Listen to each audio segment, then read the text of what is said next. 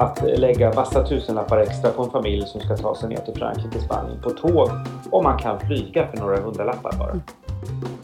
Så, där är det. så, då, så det, då har vi då tåget fördel att man bara går till stationen. Man kan faktiskt komma om man har is i magen en minut innan tåget går. Men, men man kan säga att under det här året så har det kommit flera positiva nyheter när det gäller internationellt tågresande från ett svenskt perspektiv.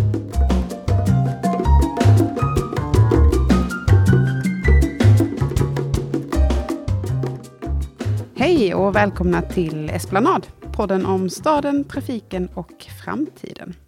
Jag heter Caroline Ljungberg Tolsson och idag har jag med mig en gäst, nämligen eh, Per J Andersson.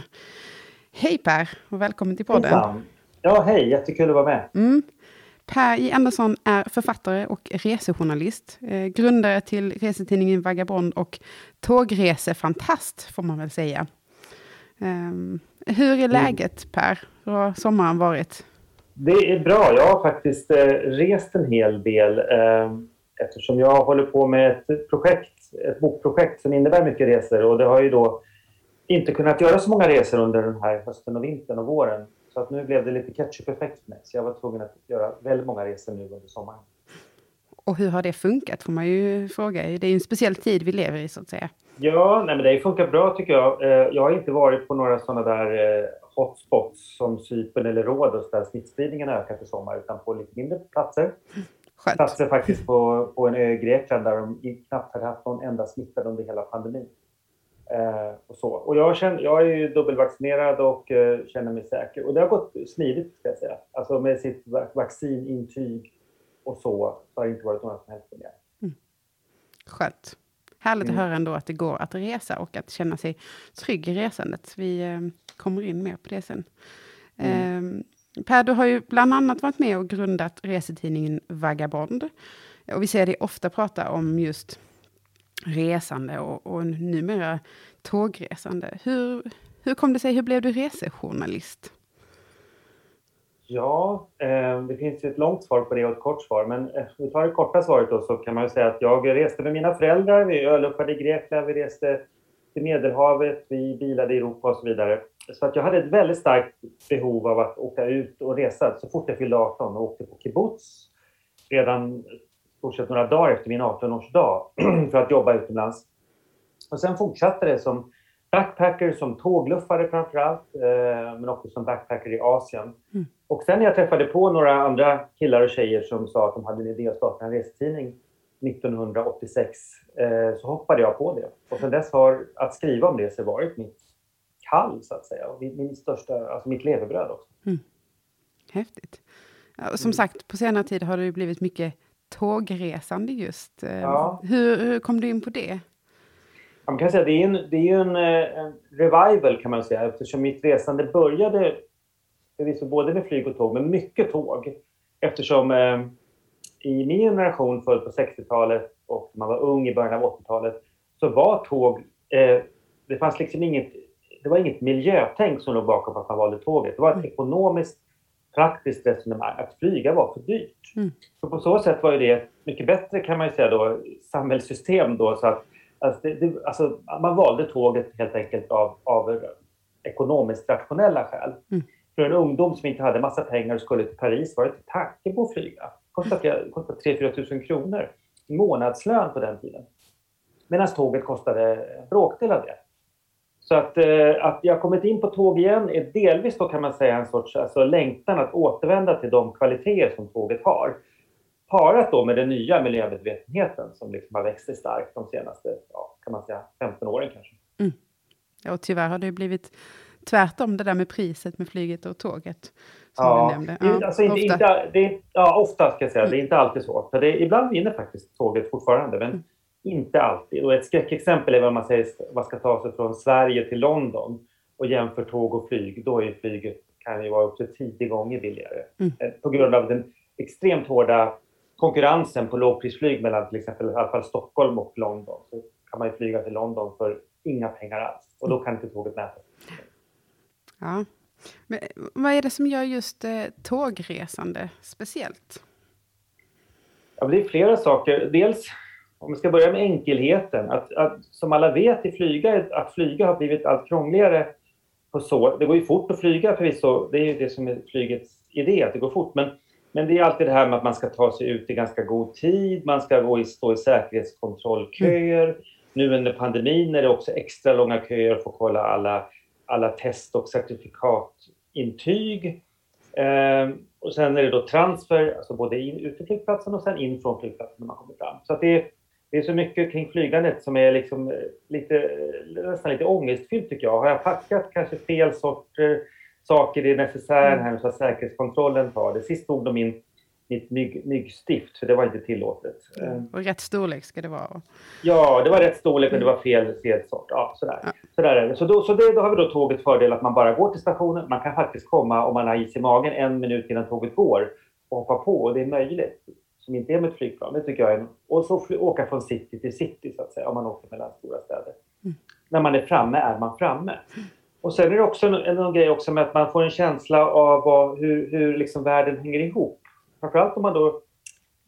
Nu åker vi inte tåg till Asien så ofta, även om det går att åka till Kina, men vi åker genom Europa och man får liksom en känsla, jaha, där kom Danmark och sen ja, ganska snabbt Tyskland och där är Belgien och Holland, alltså Österrike, Tjeckien, Ungern, att det är så nära mellan olika platser som man inte riktigt fattar när man flyger. jag mm, tycker också det är en häftig känsla. Ja, det hänger ihop liksom. Mm. Sen tar det ofta längre tid, men det är ju liksom en, det gör det ju. en del av charmen.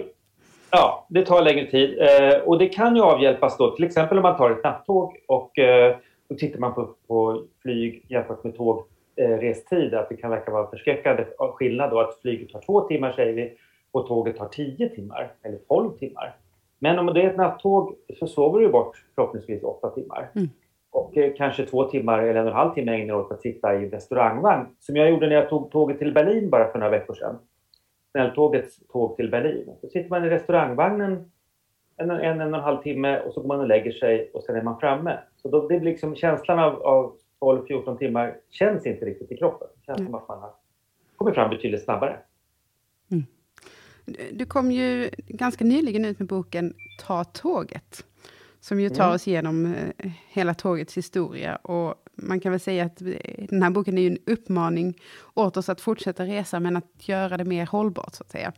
Välja bort flyget och faktiskt resa med tåget, som du nämner. Um, du har skrivit många böcker, men varför skrev du just denna bok? Och vad är det som gör den så aktuell just nu?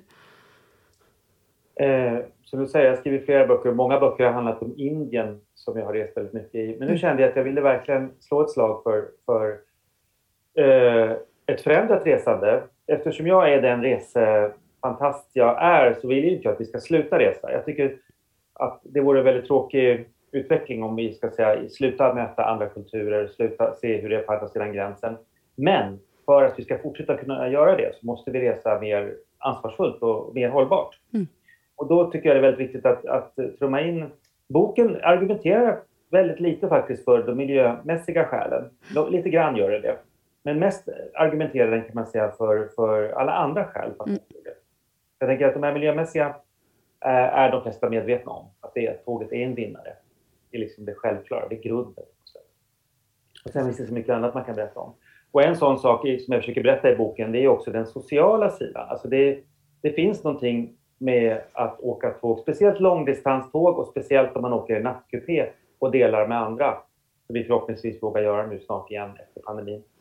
Eh, så, så, så uppstår ofta sociala kontakter, man pratar med okända människor på ett sätt som man sällan eller aldrig gör på flyget. Mm. Du gillar det alltså? Ja, inte, jag, jag menar inte att prata med andra, men att sova med andra. Det är... ja, men alltså jag har inget emot det. Alltså, men lika, lika väl som man sitter i ett flygplan och, och på en flygning och halvsover och slumrar bredvid andra människor kan man väl, kan man väl göra det på tåg. Mm, det har du eh, faktiskt helt rätt i. Ja. Man och, på det så. och åker man tåg så kan man ju välja på de flesta tågbolag i Europa så kan man ju välja mellan antingen dam eller herr eller om åker man så kallad couché eller liggvagn kan man ha mixad då. Mm. Senast åkte jag mixad för jag åkte med min flickvän och eh, eh, då var det blandat damer och herrar i kupén eh, och eh, folk från olika, vi åkte upp till Norrland, norra Norrland och det var folk från he hela världen faktiskt, Australien och Frankrike och Finland i vagnen och, och det var fantastiska samtal innan vi bäddade och alla gick och la sig. Mm. Jag tycker det är fantastiskt. Ja, det håller jag helt med dig om. Det... Mm. Eh, om man ska prata lite om, om ditt resande, precis som du nämnde innan, så har du ju rest mycket i Indien. Eh, du har skrivit mycket om Indien. Åker du tåg dit? Jag har aldrig åkt tåg till Indien av det skälet att det, det går förvisso, har jag, har jag sett. Men eh, det är inte alldeles eh, ofarligt. Det är helt okej okay, eh, genom Turkiet, till och med genom Iran ska jag säga är säkert, även om det är mycket pappersexercis. Men sen kommer det en tågresa då från södra eh, Iran genom eh, västra Pakistan som är osäker. Sen blir det säkrare igen i östra Pakistan och sen kommer man Indien. Jag har inte vågat göra den resan. Men då, har du åkt tåg i Indien? Massor! Det är så mm. jag tagit mig fram i Indien ända sedan 80-talet. Jag åker åkt tåg kors och tvärs hur mycket som helst kan man säga. Jag skriver om det i boken också, om några sådana här långa tågresor. Ju, in, ja, Indien har ju några tågresor eftersom det är ett så stort land. Det är ju som hela Europa i, på längden och tvären. Mm. Så kan man göra resor som tar 50 timmar och sådär om man skulle vilja. Flera hundra mil. Hur skulle du säga att det är att åka tåg där? Eh, bra, skulle jag säga. Alltså relativt lätt. Det finns ju skräckbilder som jag tror många har om att åka tåg i Indien, att det är så packat med folk att man, att man inte får någonstans att sitta och sådär. Och, eh, och man har sett bilder från några obokade vagnar på väg till någon religiös festival där det verkligen har varit så. Men, men det är inte verkligheten om man reser runt mm. som resenär, utan man, eh, man bokar sin plats eh, i en det finns olika sorters klasser, allt från första klass, olika, olika andra klassvarianter Eh, och man bokar sig där och har sin plats. Och man är väldigt välförsörjd på indiska tåg. Det är alltid förstklassig service. Det finns inte restaurangvagnar man går till. Utan det går folk genom korridorerna och eh, serverar mat till, till gästerna där man sitter. Okay. Så att, plus att man kan gå på perrongen när tågen stannar på större stationer och, och handla lite som lagas, kokas, friteras och så vidare och steks på perrongerna från olika små försäljare av mat. Så det är, en, det är en upplevelse. Det är som en enda stor, vad ska man kalla det för, en stor basar, hela det här indiska tågsystemet. Liksom, av mat och dofter och människor. Och det fungerar förvånansvärt bra skulle jag säga. Och förseningar sker, men det är inte så som man kanske befarar att det är fruktansvärd eh, dålig, dålig ordning på det, utan det, det funkar ganska bra. Om du funderar på om du skulle säga någonting kring vilken som är den bästa tågresan som du har gjort? Kan du säga det? Oj. Eller ja, en av de bästa kanske? ja, precis. Ja, men flera av mina indiska tågresor har varit minnesvärda eftersom jag har lärt känna det landet ganska bra, eh, delvis genom de här tågresorna eftersom man har hamnat jag väljer ofta någon sorts mellanklass, luftkonditionerad andra klass som är bättre än de enklaste och inte riktigt så som de finaste.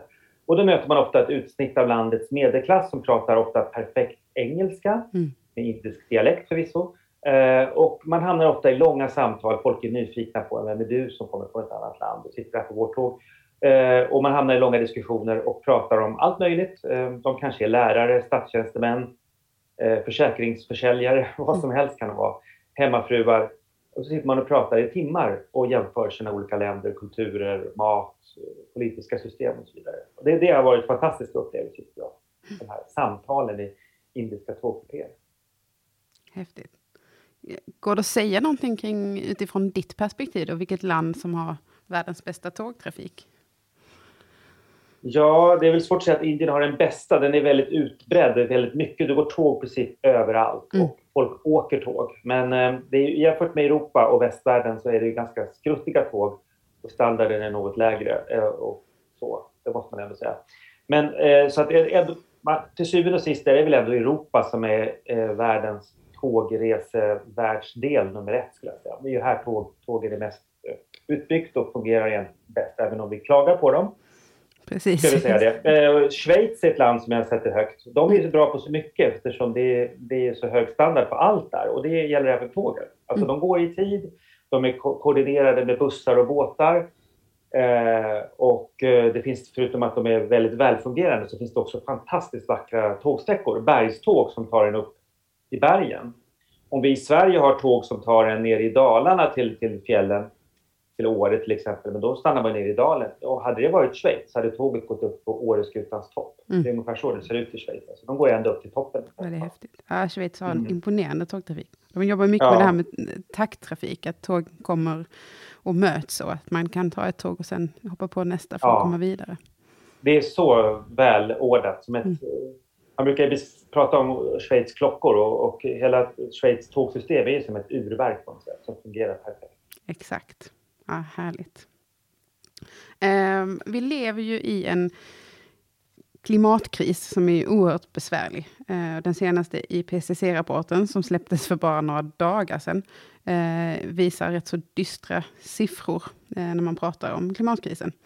Och den visar också att det är vi människor som gjort att vi hamnat där vi är idag. Och att vi, vi behöver förändra en hel del om vi ska klara det här. Vårt beteende och också vårt, vårt resande såklart. Och kanske resa med ett tåg helt enkelt. Um, hur tror du att klimatkrisen och hur, eh, hur den här har uppmärksammat de senaste åren, hur har den påverkat hur vi, hur vi reser eller tänker kring resande? Har den påverkat? Eh, mindre än vad som vore önskvärt kan man säga. Och det gäller mm. egentligen hela samhället. Alltså, klimatkrisen och medvetenheten om den är ju någonting som vi alla är medvetna om idag och pratar om och bara några få procent förnekar trots allt. Men vi har ju inte förändrat vårt beteende på nästan, alltså tillräckligt mycket. Lite grann har vi gjort det. Och det gäller även resandet. Så att vi har ju sett, på Vagabond där jag jobbar då, så gör vi en årlig resvaneundersökning som heter Resebarometern. Mm. Och då kan vi ju, trots då alla positiva signaler om Facebookgruppen Tågsemester och alla berättelser från vänner i ens egen filterbubbla som berättar om sina tågresor i Europa. Så tittar man på hårda fakta från hur svenskarna tar sig till utlandet så är det fortfarande bara 3-4 procent som åker på utlandssemester eh, med tåg. Mm. Och eh, 65-70 procent tar flyget. Mm. Och, och resterande är då bil och lite annat. Men, så att det flyget är fortfarande helt dominerande. Och att inte det har fått, någon, fått att den här så att säga, klimatångesten eller klimatoron har fått mer utslag, det, det, det ser jag som ett, eh, en effekt av de ekonomiska realiteterna. Mm. Det är svårt för människor som inte har massa resurser att lägga massa tusenlappar extra på en familj som ska ta sig ner till Frankrike, Spanien på tåg om man kan flyga för några hundralappar bara. Mm. Alltså det, det, det, det, är så, det, det, är att ställa väldigt hårda krav på, på slutkonsumenten. Alltså att du ska betala 10 000 extra för att rädda miljön. Um, alltså det vore ju bra om, om, om, alla tänkte så medvetet och ställde in en resa, men nu funkar det ju inte så. Så det är egentligen redan i systemet som man behöver ja, jobba med det här? Till syvende och sist är det en politisk fråga. Alltså mm. Vi kan inte lägga över allt ansvar på, på resenären, konsumenten. Och det gäller inte bara resandet, det gäller ju allting. Mm. Utan vi måste så att säga få till så att systemet ändras, så att vi liksom styrs till de här miljövänliga alternativen. Mm. Men det här med flygskam, det blev ju kan man säga ett buzzword för några, några år sedan. Um, har, har det liksom kunnat uppmärksamma att vi reser mer med, med tåg eller? Ja, lite grann. Alltså, ja. Men tyvärr inte så mycket Nej. kan man säga. Eller, ja, det, eh, som jag sa då, så, att, så, så är det fortfarande bara 3-4 procent som tar tåget till utlandet. Däremot är ju svenskarna, eh, liksom många andra eh, europeer, väldigt bra på att ta tåget inrikes. Och det har ju ökat. Och, och tvärt emot vad kanske många tror så har ju, har ju, har ju resan, inrikesresandet mer än fördubblats sedan 90-talet. Alltså med tåg. Mm. Eh, så vi är väldigt bra på att ta tåget i vardagen, kan man säga. Eh, och det är ju framförallt det är ett resultat av att regionaltrafiken med tåg i allt från Östergötland, Skåne, Västmanland, Norrland. Det, det, har bildats liksom regionala tågbolag som är väldigt bra på att köra tåg. Eh, och det där var... Eh, jag, som, eh, jag minns ju hur det var på 70-talet. Då gick det väldigt många färre tåg. Då hade tågdöden slagit till så att säga. Det var bussar överallt. Sen har ju tågen återkommit faktiskt. Det har varit en revival för de här regionaltågtrafiken. Och det är en succé.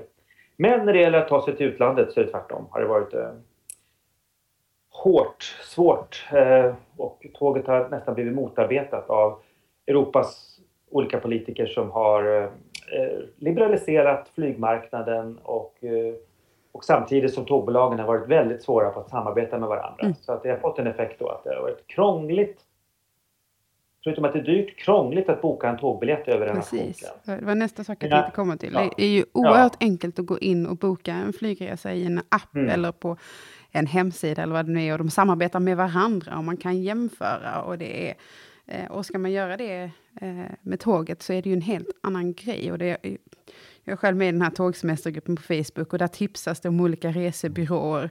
Mm. Två stycken speciella i landet som har bästa eh, kollen liksom. Eh, så här kan det väl inte funka?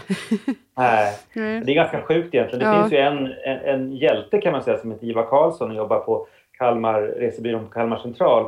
Man tog över från SJ när SJ slutade sälja för ett antal år sedan. Och han, eh, och han har blivit någon sorts idol i sådana här kretsar eftersom Precis. han är så duktig på att boka. Men liksom han och hans få medarbetare, de kan ju inte klara av hela landets tågbokningar. Liksom. De har ju varit överhopade. Men nu kommer det flera olika online-tjänster. Eh, de har varit i, legat i startgroparna länge här nu. Under pandemin har flera lanserat, bland annat Railtick och eh, Train Planet är en och sen de här All Aboard också. Så det finns ju nu flera svenska online-resetjänster som bokar internationella tåg. Mm. Jämför de då också olika, eller så att säga, är det enkelt att hitta mellan? För det finns ju många olika tågbolag man behöver resa med om man ska långt ner i Europa, tänker jag. Ja, jo, men de har med de flesta tågbolag i Europa. Så mm. de, de, kan kombinera biljetterna och sådär. Och sen har ju glädjande nog också SJ återkommit. De la ju ner sin utlandsbokning till mm. ordinarie utlandsbokning man kunde ringa till och till och med gå till en disk och boka. Den la man ner 2014 men i, nu i juni återkom man med en online-tjänst. Där man kan boka några, inte långt ifrån alla, men några få internationella tåg till Paris och andra stora städer i Europa. Eh, via SJs hemsida. Då. Så att det finns flera goda tecken i tiden ändå på att flera har vaknat nu och försöker liksom åtgärda den här bristen. Så man kan säga att flyget, flygets bokningssystem har varit en succé. Alltså det här att man har sammanbundit alla världens flygbolag i ett enda system i stort sett, mm. Amadeus. Jag kan ju gå in, som du var inne på där, jag kan ju gå in nu här efter vi har pratat och så kan jag boka biljett mellan Papua Nya Guinea och Australien mm. på två minuter. Exakt. Det är inga problem liksom. Mm. Uh, och, och tänkte det är tågets värld om det fanns. Ja, det vore fantastiskt. Ut, utopin. Ja, verkligen. jag är glad om jag bara kan boka en biljett till, till Hamburg, München eller, eller Paris. Exakt. Ja, vi kan ju inte låta bli att prata lite om den tid som vi lever i nu. Um, jag kommer ihåg för eh, snart ett och ett halvt år sedan när jag spelade in vårt första coronaspecialavsnitt. Jag hade hoppats vi skulle slippa prata om coronakrisen nu, men vi är ju tyvärr fortfarande i den här eh, pandemin. Eh, vad betyder och har coronakrisen betytt för resandet, tror du? Det, det där Ja, det, det har, jag har själv spekulerat mycket i det under de här, för jag har fått frågan från många andra journalister. Um, så det är svårt att säga, men än, än, så länge så, så har det ju fått, där vi är nu har det fått effekten att vi reser mindre utomlands förstås och att vi reser mer, men, men då parallellt med det så har vi ju rest faktiskt lite mer i Sverige. Man kan säga att svenskarna har upp, upp igen återupptäckt sitt eget land, lite mer helt enkelt. Det har alltid funnits folk som reser i Sverige förstås, men ännu fler. Även de här som normalt alltid sticker ut i Europa eller någon annanstans mm. har nu åkt runt i Sverige. Så det är väl en effekt då. Att kanske, vi kanske inte alltid måste resa så långt för att resa bort. Vi kan resa lite kortare avstånd. Det är en effekt. Um, jag tror också det kommer innebära en renässans eller en revival, uh, en ökad trend för naturturism. Mm. Det är någonting som känns... Det ser vi också. Uh, ja, att ut och vandra, tälta, kampa, allt som har med naturen att göra. Mm. Att det känns, liksom, det, känns, det känns bra i en tid när det innebär, har inneburit en fara att vara tätt tillsammans med andra människor i slutna rum. Då känns ju naturen som den raka motsatsen av någonting. Exakt. Och även om då pandemin går över så att säga så tror jag kanske den psykologiska effekten sitter i ett tag till.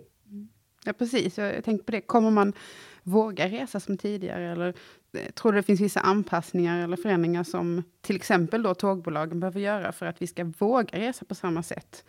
Eh, vi var ju vana innan både att sitta bredvid varandra och stå trångt och ja, det blir en stor förändring. Ja, det beror alldeles på hur själva pandemin utvecklas, men om den går över, vilket alla andra pandemier i världshistorien ändå har gjort, mm. även om det ibland har tagit några år, så, så tror jag att det kommer att återgå till det gamla. Ja. Uh, jag menar, ja, vi är duktiga på att glömma också. Ja, vi är duktiga på att glömma. Mm. Man, det är bara att se efter alla terrorattacker. Bara året efter 11 september-attentatet mot USA så slog turismen till New York rekord. Så tydligen var vi inte så rädda att åka till New York, inte ens året efter. Så att jag menar, det är väl ett tecken på att glömskan, så fort det här är över, och vi får hoppas att det är snart, så tror jag att vi kommer att glömma faktiskt. Mm. Jag tror inte vi kommer vara rädda för att stå tätt. Men det är svårt att säga. Det, kan också, det, det finns också en möjlig helt eh, annorlunda utveckling och det är väl då att det sitter kvar en sån här, som du är inne på, en sån här rädsla. Då. Det är svårt att säga. Mm. Jag. jag. kan också tänka mig att en hel del har ett så att säga uppdämt behov av att resa, så att säga. Man mm. måste, eh, att det kan leda till att vi bokar fler resor utomlands till exempel. Det är många som har hållit sig i Sverige, precis som du sa. Jag tror också det, att det är också en tänkbar effekt. Det finns många olika, precis, många olika effekter som går åt olika håll och den här ketchup-effekten är absolut en tänkbar, tänkbart scenario. Mm. Att vi kommer åka utomlands mer än någonsin så fort man upplever att det är säkert igen. 2021 eh, är ju faktiskt europeiska tågåret. Ehm, men så kändes det som att pandemin kom. Och vad, vad, blev det av det här? Ja, vad blev det av det här? Det blev inte något stort tågresår. Det blev inte något stort resår på någon front egentligen. Så det gäller ju även tåget då. Men, men man kan säga att under det här året så har det kommit flera positiva nyheter när det gäller internationellt tågresande från ett svenskt perspektiv än vad det har gjort på länge. Mm. Jag tänker på att eh, snälltåget som tidigare haft tågresor mellan Malmö och Berlin återkom efter ett pandemiuppehåll. Har förlängt linjen så den går hela vägen från Stockholm via Malmö till Berlin. Det är positivt och man kommer också inte bara köra på sommaren utan lite mer på hösten och vintern också. Dessutom så har ju det är ju känt sedan tidigare att, att Trafikverket har fått ett antal hundra miljoner av regeringen för att upphandla en daglig eh, internationell tåglinje från Sverige till kontinenten. Och det kommer man, eh, har man meddelat nu och är faktiskt i, i dagarna här nu ska Trafikverket eh, berätta vilket tågbolag eller vilka tågbolag det är som kommer få det här uppdraget. Så det ska också upphandlas med, med skattepengar. Eh, och då pratar man ju om, vi vet inte ännu när vi sitter här och pratar, men man pratar om Malmö, Bryssel Precis. eller kanske mm. Stock, Stockholm, Stockholm, Hamburg. Eh, kanske båda två, vi får se. Mm. Du nämnde ju det här med nattåg innan, eh, det, att det kan kännas långt men att man faktiskt eh, sover en stund. Eh, mm. under den här långa tågresan. Eh, och med de här mm. nya nattågsförbindelserna i Europa som man tittar på och har börjat jobba med och som faktiskt ska komma. kanske då till och med från Malmö till, till Bryssel, som du sa. vad, vad kan det innebära? Jag tror att det är en game changer, så att säga. Alltså dels att det, det här, och det gör det hela enklare att boka också. Tidigare har problemet varit, som vi var inne på, Eh, där visserligen funnits då vissa sajter, det finns sajter och det finns specialresebyråer som kan koppla ihop flera olika tågbolagsbiljetter, fast det är lite krångligt. Men om det finns ett enda tågbolag säga, och en enda linje som tar det från Sverige och långt ner i Europa och det är liksom bara på den enda biljetten är till exempel i Bryssel. Och det kommer kanske passera Köln tror jag också. Mm. Som, varifrån man kan ta tåg till massa ställen. Det är ju väldigt centralt i Europa, Köln. Eh, då tror jag det blir en game changer. Alltså det blir så enkelt. Jag hade bara hoppat på det tåg. Det står på Malmö central varje eftermiddag, varje kväll. Det är bara att hoppa på det så är jag i Bryssel nästa morgon. Mm. Så tror jag att det kommer bli en enorm skillnad. Bara det att se det på den här avresetavlan på centralen, eller Malmö central, eller om det nu blir Stockholm central, och veta att liksom, där står det då Bryssel och jag ser tiden, liksom, mm. vad det nu kan bli, 17.22. Varje dag kommer det gå ett tåg. Mm. ja, det är häftigt. Ja, kunna ta sig ner i Europa och faktiskt kunna ta sig till till exempel Storbritannien eh, lätt. Ja, Storbritannien, ja, kommer du till Bryssel så är du jättenära Paris, du är väldigt nära Stor London och eh, du är väldigt nära massa andra platser, Amsterdam. Ja, det blir jättehärligt. Det ser vi fram emot.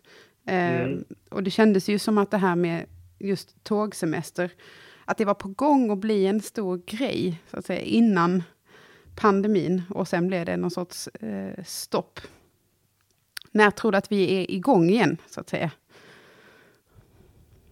Ja, eh, det är ju lite igång redan. Ja. Eh, jag såg att... Men det är inte så mycket igång som man hade kanske trott. Den här sommaren hade ju totala resandet, då pratar vi alla sorters resande, utlandsresande, mm. är ju då ungefär, vad, vad, vad, är det, minskningen är 60 procent med före pandemin. Men under förra, förra året var det ju minus 75-80 procent. Så det, det, vi reser mer. Men det är långt ifrån de normala nivåerna. Ja, jättesvårt att säga. Om inte eh, nya virusvarianter så att säga leder till någon eh, ytterligare stängningar så tror jag ju ändå framåt senhösten, vintern och framförallt nästa vår, sommar att vi är tillbaka till någon sorts normalitet. Mm. Det tror jag. Det hoppas vi på. Eh, det börjar strax bli eh, dags att avsluta det här poddavsnittet. Men jag vill såklart avsluta med att ställa dig en fråga. Eh, vilken tågresa skulle du rekommendera våra lyssnare att göra? Eh, och varför då? Ja, då får jag slå till med någonting som inte kanske få har gjort. För att det finns ju som sagt många fina resor i Europa. Vi har redan pratat om Schweiz men men eh, jag skulle vilja säga en resa jag gjorde nu för att skriva boken Ta tåget och också skildra i den boken och det är att ta tåget från New York till Kalifornien. Mm. Alltså från kust till kust i USA. Eh, och trots, tvärt vad många tror så har USA faktiskt ett väldigt välfungerande långdistans-tågsystem. Visserligen går det inte tåg, eh, man hade ännu mycket mer innan bilismen och flyget raderade ut många tåglinjer på 50-60-talet. Men, men det finns fortfarande ett stomnät kvar som gör att man kan ta sig från östkusten, från New York till exempel, till Chicago, byta tåg och sen lite senare vara i Los Angeles, San Francisco eller Seattle. Det är bara att välja. Eh, och det är sådana långdistanståg till exempel mellan Chicago och Los Angeles som tar 45 timmar. Men wow. man reser väldigt bekvämt. Man kan ha tvåbäddshytt eller ja, det finns olika varianter på sovhyttar. Det ingår frukost, lunch och middag i en matsal. Det finns också en observation car med café där man kan sitta vänd mot sidan så att säga och så är det glastak och titta ut när man passerar till exempel Arizona med sina röda förkastningsbrant berg och Grand Canyon och sådär. Ja, det, det, är en fantastisk resa. Jag gjorde den då eh, och jag rekommenderar att inte göra den i ett slag för det tycker jag kastar bort pengarna utan eh, eh, man kan köpa ett två veckors tågluffarkort på Amtrak som det statliga amerikanska tågbolaget största heter. Mm. Och så hoppar man av. Till exempel mellan New York och Chicago kan man hoppa av, inte så långt från Niagarafallet och bara ta en liten, eh, liten abrovink upp till Niagarafallet. Och sen kan man hoppa av på massa andra ställen. Till exempel i Arizona kan man hoppa av tåget i, i vad heter det, en liten ort som heter Williams och därifrån kan man ta en liten bibana, också tåg, upp till Grand Canyons kant och titta på Grand Canyon. Innan man kommer fram till Los Angeles. Ja, det låter ju väldigt lyxigt det här också. Ehm, mm. Få se allt detta. Ja, mm. så det är mitt, mitt förslag. Inte en roadtrip i USA utan dröm istället om en railtrip. Precis, jag har kört över USA men det här låter ju faktiskt eh, ännu häftigare. Fördelen är ju att du kan sitta i restaurangvagnen och dricka ett glas vin eller, eller äta en god måltid medan du tittar ut över USA. Slipper sitta och hålla i ratten och bli trött. Ja, det låter fantastiskt. Stort tack för att du ville gästa Esplanad idag, Per. Tack så du Tack. Hej. Hej då. Vill du veta mer om podden eller om Trivector? Besök då trivector.se. Och har du tips eller tankar om podcasten? Hör av dig till esplanad.trivector.se.